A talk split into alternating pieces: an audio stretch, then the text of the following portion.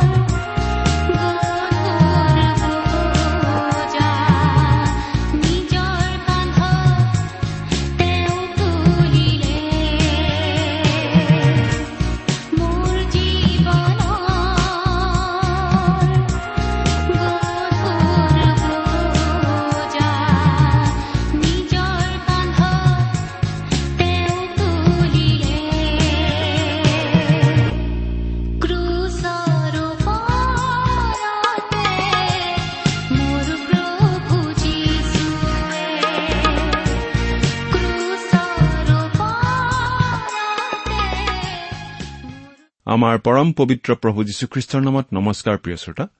আশা কৰো মহান পিতা পৰমেশ্বৰৰ মহান অনুগ্ৰহত আপুনি ভালে কুশলে আছে। আপুনি বাৰু আমাৰ এই ভক্তিবচন অনুষ্ঠানটো নিয়মিতভাৱে শুনি আছেনে? শুনি কেনে পাইছে আমালৈ চিঠি লিখি জনাবচোন। আহকচোন আজিৰ বাইবেল অধ্যয়ন আৰম্ভ কৰাৰ আগতে খন্তেক প্ৰাৰ্থনাত মূৰ দুৱাওঁ। স্বৰ্গত থকা অসীম দয়ালু পিতৃ ঈশ্বৰ তোমাৰ মহান নামৰ ধন্যবাদ কৰো। তুমি সৰ্বশক্তিমান সৰ্বব্যাপী সৰ্বজ্ঞানী ঈশ্বৰ হৈও আমাৰ দৰে ক্ষুদ্ৰ মানৱক যে ইমান প্ৰেম কৰা সেই কথা ভাবিলেই আচৰিত হওঁ। তুমি আমাক ইমানেই প্ৰেম কৰিলা যে আমাক পৰিত্ৰাণ দিবলৈ তুমি তোমাৰ একেজাত পুত্ৰ যীশুখ্ৰীষ্টকেই আমালৈ দান কৰিলা। তেওঁ ক্ৰুচত নিজৰ পবিত্ৰ তেজেৰে আমাৰ পাপৰ প্ৰাচিত্ৰ কৰিলে। আজি তেওঁত বিশ্বাস কৰি আমি অনন্ত জীৱন লাভ কৰি তোমাক পিতৃ বুলি মাতিব পৰা হৈছো। তাৰ বাবে তোমাক অশেষ ধন্যবাদ পিতা। এতিয়া আমি তোমাৰ মহান বাক্য বাইবেল শাস্ত্ৰ অধ্যয়ন কৰিবলৈ ওলাইছো প্ৰাৰ্থনা কৰিছো। তোমাৰ বাক্য তুমিয়েই আমাক বুজাই দিয়া। এই অনুষ্ঠান শুনি থকা আমাৰ মৰমৰ শ্ৰোতাসকলক তুমি উপচি পৰাকৈ আশীৰ্বাদ কৰা। কিয়নো এই প্ৰাৰ্থনা আমাৰ মহান ত্ৰাণকৰ্তা মৃত্যুঞ্জয় প্ৰভু যীশুখ্ৰীষ্টৰ নামত আগবঢ়াইছো। আমেন।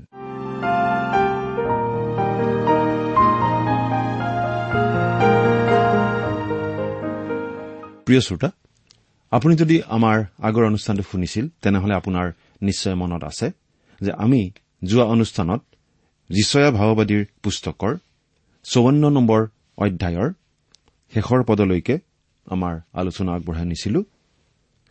আমি আজি কিছুদিন ধৰি এই যিচয়া ভাওবাদীৰ পুস্তকখনকেই অধ্যয়ন কৰি আছো। এই পুস্তকখন আমি পাওঁ বাইবেলৰ পুৰণি নিয়ম খণ্ডত। আজিৰ অনুষ্ঠানত আমি এই যিচয়া ভাওবাদীৰ পুস্তকৰ পঁচপন্ন নম্বৰ অধ্যায়ৰ পৰা আমাৰ আলোচনা আৰম্ভ কৰিব খুজিছো।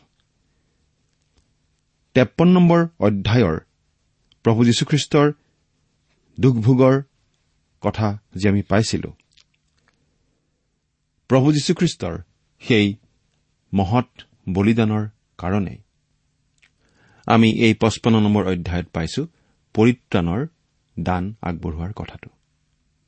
চৌৱন্ন নম্বৰ অধ্যায়ত পৰিত্ৰাণৰ কাৰণে যি নিমন্ত্ৰণ দিয়া হৈছে সেয়া এটা সীমাৰ ভিতৰত থাকি নিমন্ত্ৰণ দিয়া হৈছিল। সেই নিমন্ত্ৰণ কেৱল ইছৰাইলীয়া লোকৰ নিমিত্তেহে আছিল। কিন্তু এতিয়া এই পঁচপন্ন নম্বৰ অধ্যায়ত সকলো লোকৰ নিমিত্তেই পৰিত্ৰাণৰ নিমন্ত্ৰণ আগবঢ়োৱা হৈছে। অৱশ্যে এই পৰিত্ৰাণৰ শুভবাৰ্তা প্ৰথমতে জিহুদী আৰু ইছৰাইলীয়া লোকৰ নিমিত্তেই আছিল তাৰ পাছতহে পৰজাতীয় লোকৰ নিমিত্তে। কিয়নো মই শুভবাৰ্তাত লাজ নাপাওঁ। কাৰণ প্ৰথমে জিহুদী পাছে গ্ৰীক লোকলৈ বিশ্বাস কৰা প্ৰত্যেক লোকলৈ সেয়ে পৰিত্ৰাণৰ অৰ্থে ঈশ্বৰৰ শক্তি। এইবুলি ৰুমিয়া এক নম্বৰ অধ্যায়ৰ ষোল্ল নম্বৰ পদত পাচনি পৌলে কৈছে। কিন্তু তাৰ অৰ্থ এইটো নহয় যে শুভবাৰ্তা পোৱাৰ অগ্ৰাধিকাৰ জিহুদীবিলাকৰেই সৰ্বোচ্চ। কিন্তু সেইবুলি সৰ্বনিম্নও নহয়। সকলো জাতিৰ লগতে শুভবাৰ্তা পোৱাৰ অগ্ৰাধিকাৰ জিহুদীবিলাকৰো একেই। সকলোৰে পাপ অৱস্থা একেই আৰু সকলোৱে একে সমানে শুভবাৰ্তা পাব লাগে। কিন্তু সঁচাকৈয়ে শুভবাৰ্তা যিহুদীসকলেই প্ৰথমে পাইছে। তাৰ প্ৰমাণসমূহ? প্ৰথমটো হৈছে প্ৰভু যীশুৱে যিহুদীসকলৰ গাঁৱে ভূঞে নগৰে চহৰে আলিয়ে গলিয়ে নামঘৰে নামঘৰে ঘৰে পৰিয়ালে শুভবাৰ্তা ঘোষণা কৰিছিল। দ্বিতীয়তে তেওঁৰ পৰা শুভবাৰ্তা পাই চিমুন পিতৰকে ধৰি প্ৰভুৰ আটাইকেইজন শিষ্য আছিল তৃতীয়তে প্ৰভু যীশুৱে শুভবাৰ্তা প্ৰচাৰ কৰোতে শুভবাৰ্তা শুনি যিহুদীসকলৰ অধিকেই বিৰোধিতা কৰিছিল। বিৰোধিতা কৰাতেই ক্ষান্ত নাথাকি শুভবাৰ্তা শুনি বিৰোধিতা কৰা যিহুদীসকলেই তেওঁক এনেকৈ ক্ৰুচবিদ্ধ কৰিছিল। চতুৰ্থতে পঞ্চাছদিনীয়া পৰ্বৰ দিনা পিতৰে যিটো সমাজৰ আগত শুভবাৰ্তা প্ৰচাৰ কৰিছিল সেইটো দলত সকলোৱেই যিহুদী মানুহ আছিল এজনো আন জাতিৰ লোক নাছিল। সেয়েহে বিনা দ্বিধাই ক'ব পাৰি যে শুভবাৰ্তা প্ৰথমতে যিহুদী লোকৰ মাজলৈকেই গৈছে। কিন্তু তাৰ পাছৰ পৰা সকলো জাতিলৈকে পৃথিৱীৰ সীমালৈকে শুভবাৰ্তা প্ৰচাৰ কৰা হৈছে। বিশ্বজুৰি শুভবাৰ্তা প্ৰচাৰিত হোৱা কথাটো বাস্তৱিকতেই মন কৰিবলগীয়া কথা। কাৰণ সেই সময়ৰ কোনো ধৰ্মীয় নেতাৰ বিশ্বজোৰা ধৰ্মৰ কোনো ধাৰণাই নাছিল। তেপন্ন অধ্যায়ৰ যাতনা ভোগ কৰা মহান দাস প্ৰভু যীশুখ্ৰীষ্টৰ মহৎ কৰ্মই জগতৰ সকলোবিলাক হেৰুৱা আত্মাৰ আগত পৰিত্ৰাণ প্ৰচাৰ কৰিব পৰাটো সম্ভৱপৰ কৰি তুলিলে। কিন্তু তথাপি আমি এই কথাও জানো যে ইছৰাইলৰ মাজত শুভবাৰ্তাক লৈ ঈশ্বৰে আমন্ত্ৰণ কৰা কামটো সম্পূৰ্ণ এতিয়াও হোৱা নাই। কিন্তু আজি এই বিশ্বৰ সকলো ঠাইৰ সকলো ভাষা ভাষীৰ সকলো কলাকৃষ্টিৰ মানুহৰ মাজতেই এই শুভবাৰ্তা প্ৰচাৰ কৰা হৈছে। অলপ ভাবি চাওকচোন। আমাৰ নিজৰ ঠাইখনৰ নিজৰ ৰাজ্যখনৰ কথাখিনি। আজি আমাৰ নিজৰ ভাষাটো অনাতাঁৰৰ নিচিনা ব্যয়বহুল মাধ্যমত আমাৰ নিজৰ লোকৰ বাবে এই অসমীয়া ভাষাত পৰিত্ৰাণৰ শুভবাৰ্তা প্ৰচাৰিত হৈ আছে। পৰিত্ৰাণ সাধন কৰোতা মহান ঈশ্বৰৰ অসমীয়া লোকসকলৰ প্ৰতি ই কম গভীৰ দয়ানে বাৰু? এতিয়া আমি এক নম্বৰ পদৰ পৰা পাঁচ নম্বৰ পদলৈ চাওঁ হওক। পৰিত্ৰাণৰ শুভবাৰ্তা গ্ৰহণ কৰিবলৈ ঈশ্বৰে গোটেই জগতকেই আমন্ত্ৰণ কৰাৰ বিষয়ে। পদকেইটা পাঠ কৰিছো মন দি শুনিব। যিচয়া পঁচপন্ন নম্বৰ অধ্যায়ৰ একৰ পৰা পাঁচ নম্বৰ পদ। হে তৃষ্ণাটোৰ লোকবিলাক তোমালোক প্ৰতিজনে জলৰ ওচৰলৈ আহা। হে ধন নথকা লোক তুমিও আহা। খোৱা বস্তু কিনা আৰু ভোজন কৰা। এনেকি আহা বিনামূল্যে বিনা দামে দ্ৰাক্ষাৰস আৰু গাখীৰ কিনা? কিয় আহাৰ নোহোৱা বস্তুৰ নিমিত্তে ধন খৰচ কৰা? আৰু যিহে তৃপ্তি নিদিয়ে তাৰ নিমিত্তে কিয় শ্ৰম কৰা? মনোযোগ কৰি মোৰ কথা শুনা। আৰু যি যি উত্তম সেই সকলো ভোজন কৰা। আৰু পুষ্টিকৰ বস্তুৰ দ্বাৰাই প্ৰাণ তুষ্ট কৰা। কাণ পাতা আৰু মোৰ ওচৰলৈ আহা। শুনা তাতে তোমাৰ প্ৰাণ সজীৱ হ'ব। আৰু মই তোমাৰ লগত অনন্তকলীয়া এটি নিয়ম দায়িদৰ আগত প্ৰতিজ্ঞা কৰা নিঃসংশয় অনুগ্ৰহবোৰকেই স্থিৰ কৰিম। চোৱা মই তেওঁক লোকসমূহৰ সাক্ষীস্বৰূপে আৰু লোকসমূহৰ নায়ক ও অধ্যক্ষস্বৰূপে নিযুক্ত কৰিলো। চোৱা যি জাতিক তুমি চিনি নোপোৱা এনে জাতিক তুমি আহান কৰিবা আৰু যি জাতিয়ে তোমাক চিনি নাপালে এনে জাতি তোমাৰ ওচৰলৈ লৰি আহিব। তোমাৰ ঈশ্বৰ জিহুৱাৰ নিমিত্তে আৰু ইছৰাইলৰ পবিত্ৰজনাৰ কাৰণে এনে ঘটিব কিয়নো তেওঁ তোমাক গৌৰৱান্বিত কৰিলে। এক নম্বৰ পদত আমি পাওঁ তেওঁৰ পৰিত্ৰাণৰ বাৰ্তালৈ প্ৰতিজনেই কাণ পাতি যেন শুনে আৰু শুনি চিন্তা কৰে তাৰ বাবে ঈশ্বৰে বৰ আকুলতাৰে আহান জনাইছে। আৰু এই আমন্ত্ৰণ বিশ্বজোৰা বিশ্ববিয়পা।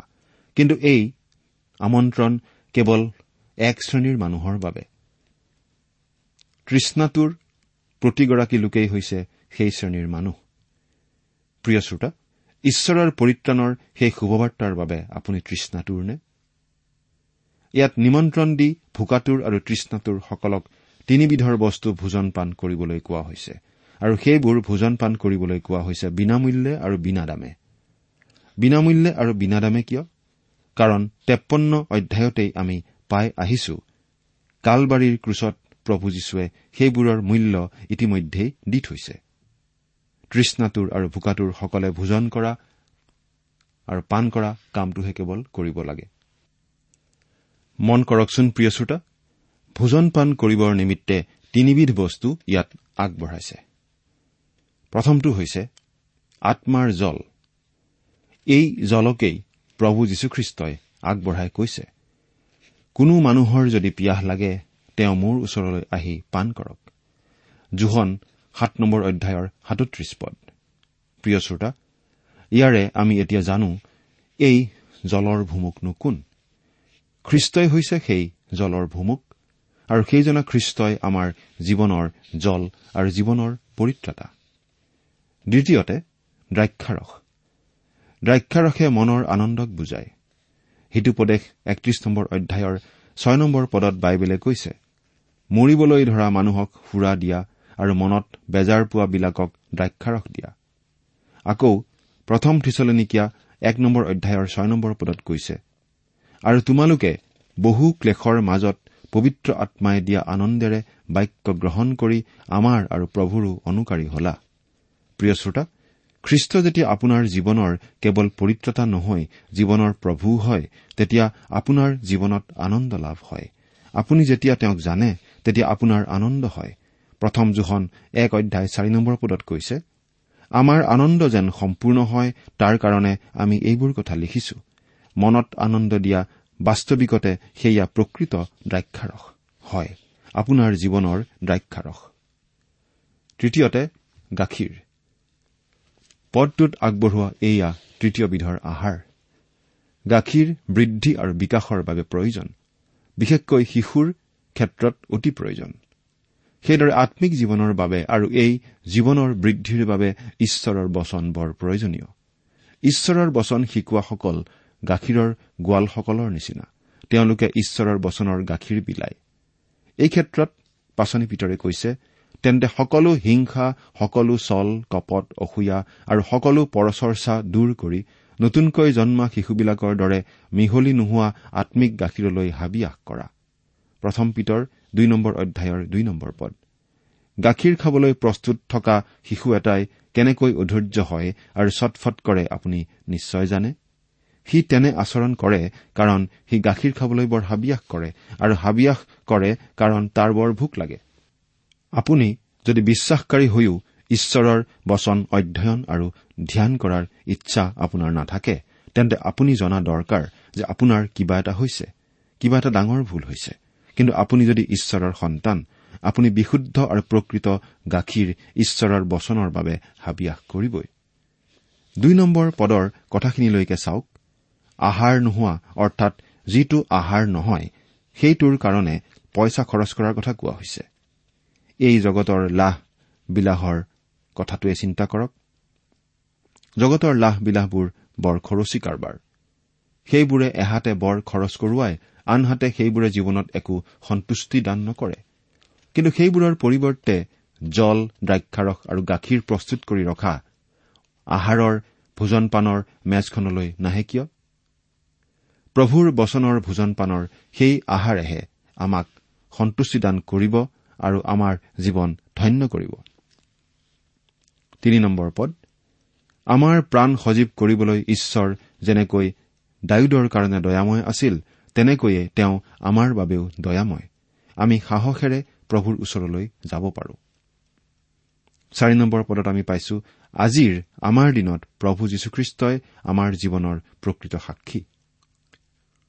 পাঁচ নম্বৰ পদত আমি পাইছো চিনি নোপোৱা জাতিক আহান কৰাৰ কথা। তাৰ মানে বাৰু কিহক বুজোৱা হৈছে? যিচয়া ভাৱবাদীৰ দিনত এই কথা নিশ্চয় কোনেও ভবা নাছিল জনা নাছিল যে আজি আমি আমাৰ ঠাইৰ মানুহবোৰেও প্ৰভুৰ সন্তানৰূপে নিমন্ত্ৰিত হ'ম। যিচয়াই নাজানিলেও আমি তেওঁৰ ভাৱবাণীত আপোনা আপুনি সোমাই আছিলো। কাৰণ ঈশ্বৰে জানিছিল। ছয় নম্বৰ পদৰ পৰা তেৰ নম্বৰ পদলৈ যিচয়াই আমাক ঈশ্বৰৰ বচনৰ অনুষ্ঠানৰ কথা কৈছে। পদকেইটা পাঠ কৰি দিছো শুনিবচোন। জিহুৱাক পাব পৰা সময়ত তোমালোকে তেওঁক বিচাৰা। তেওঁ ওচৰত থাকোতে তেওঁৰ আগত প্ৰাৰ্থনা কৰা। দুষ্ট লোকে তেওঁৰ পথ আৰু অধৰ্মী লোকে তেওঁৰ কল্পনা ত্যাগ কৰক আৰু জিহুৱালৈ ওলটি আহক। তাতে তেওঁ কৃপা কৰিব। আৰু সি আমাৰ ঈশ্বৰলৈ ঘূৰি আহক। কিয়নো তেওঁ প্ৰচুৰ পৰিমাণে ক্ষমা কৰিব। কাৰণ জিহুৱাই কৈছে মোৰ কল্পনা আৰু তোমাৰ কল্পনা একে নহয়।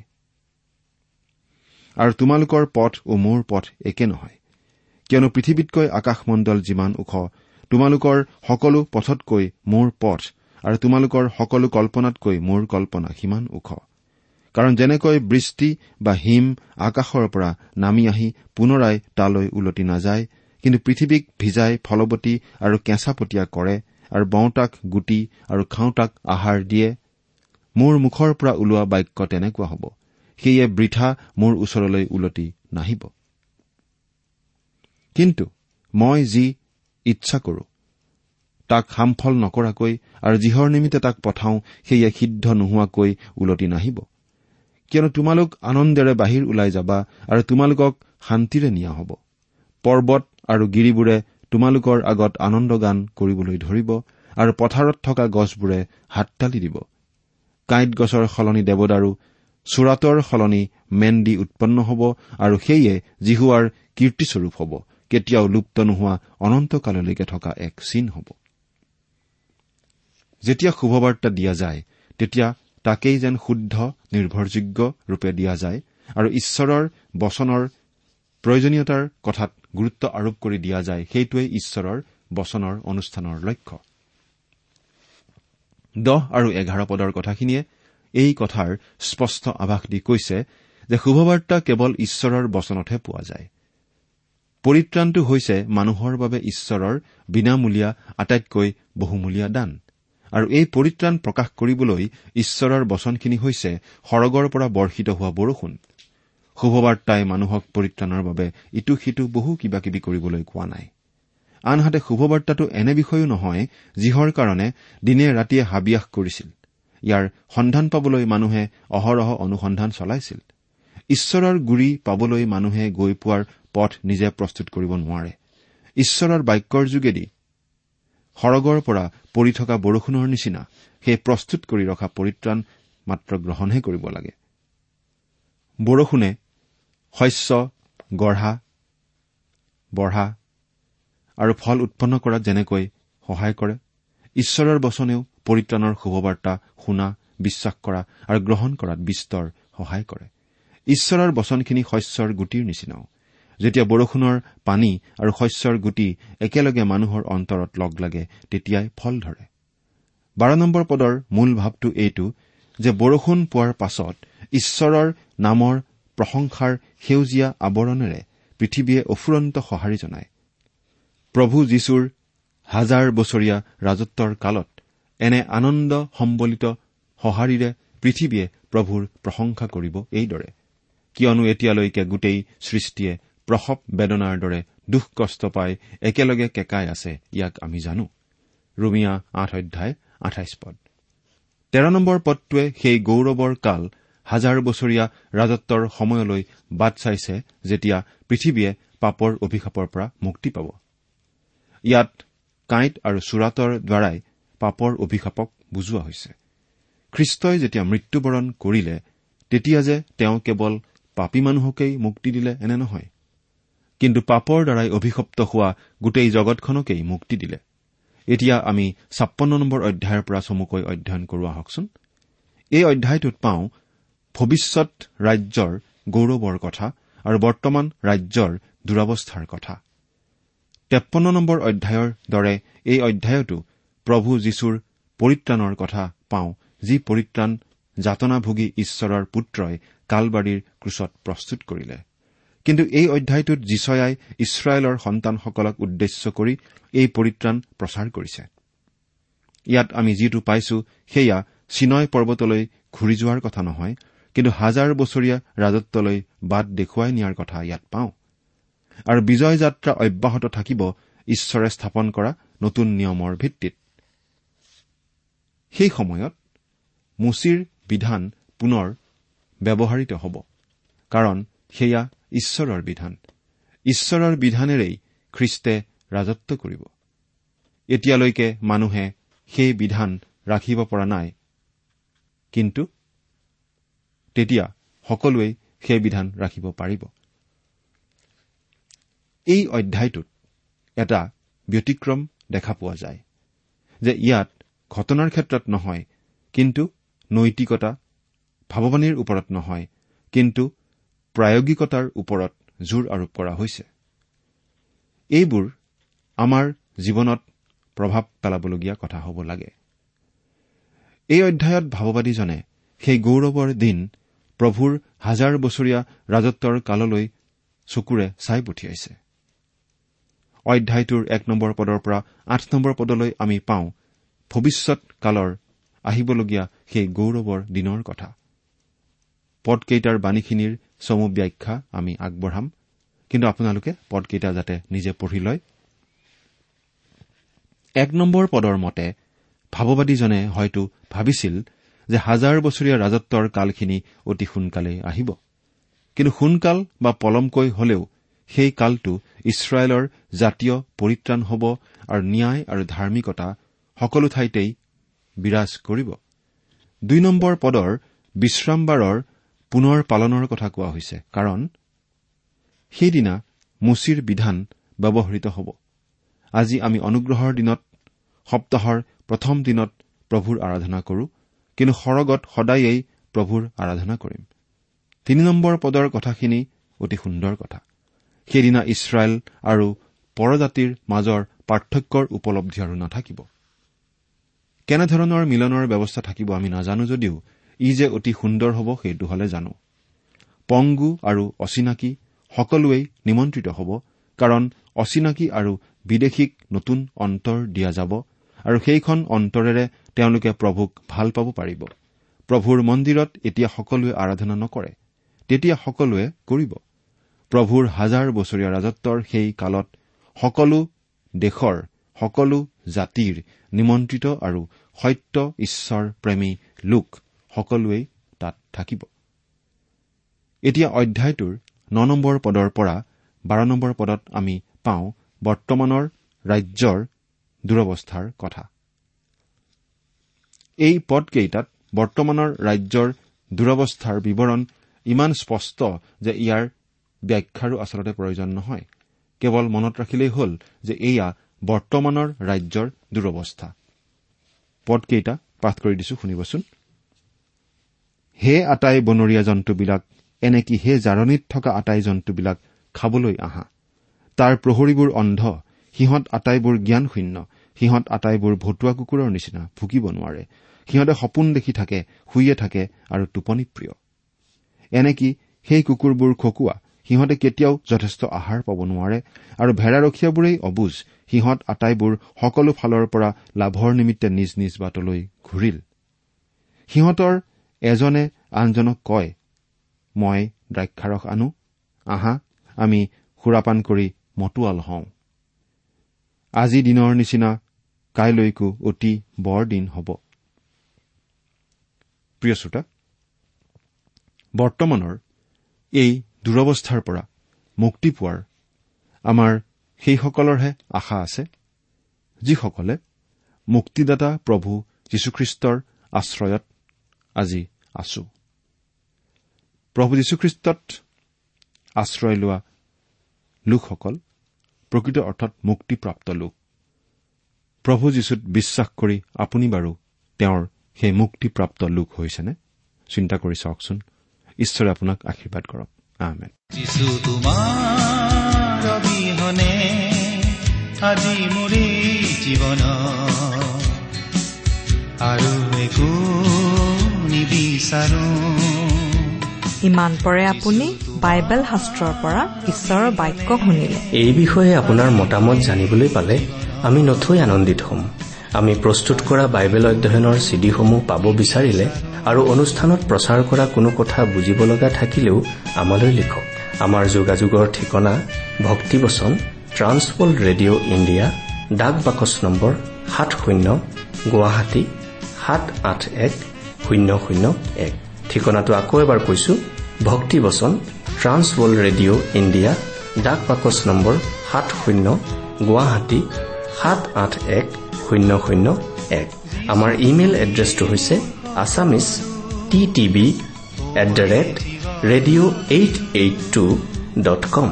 আমাৰ website W W W dot T W R dot in. আপুনি টেলিফোনৰ মাধ্যমেৰেও আমাক যোগাযোগ কৰিব পাৰে। আমাৰ টেলিফোন নম্বৰটো হৈছে nine eight five four zero' four zero' eight eight nine.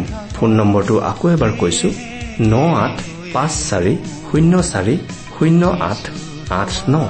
আপুনি এই ভক্তিবচন অনুষ্ঠানটি আমাৰ website W W W dot radio' eight eight two dot কমতো শুনিব পাৰিব। আজিৰ অনুষ্ঠানটি ইমানতেই সামৰিছো। ঈশ্বৰৰ শান্তি আৰু অনুগ্ৰহ আপোনাৰ লগত থাকক। ধন্যবাদ।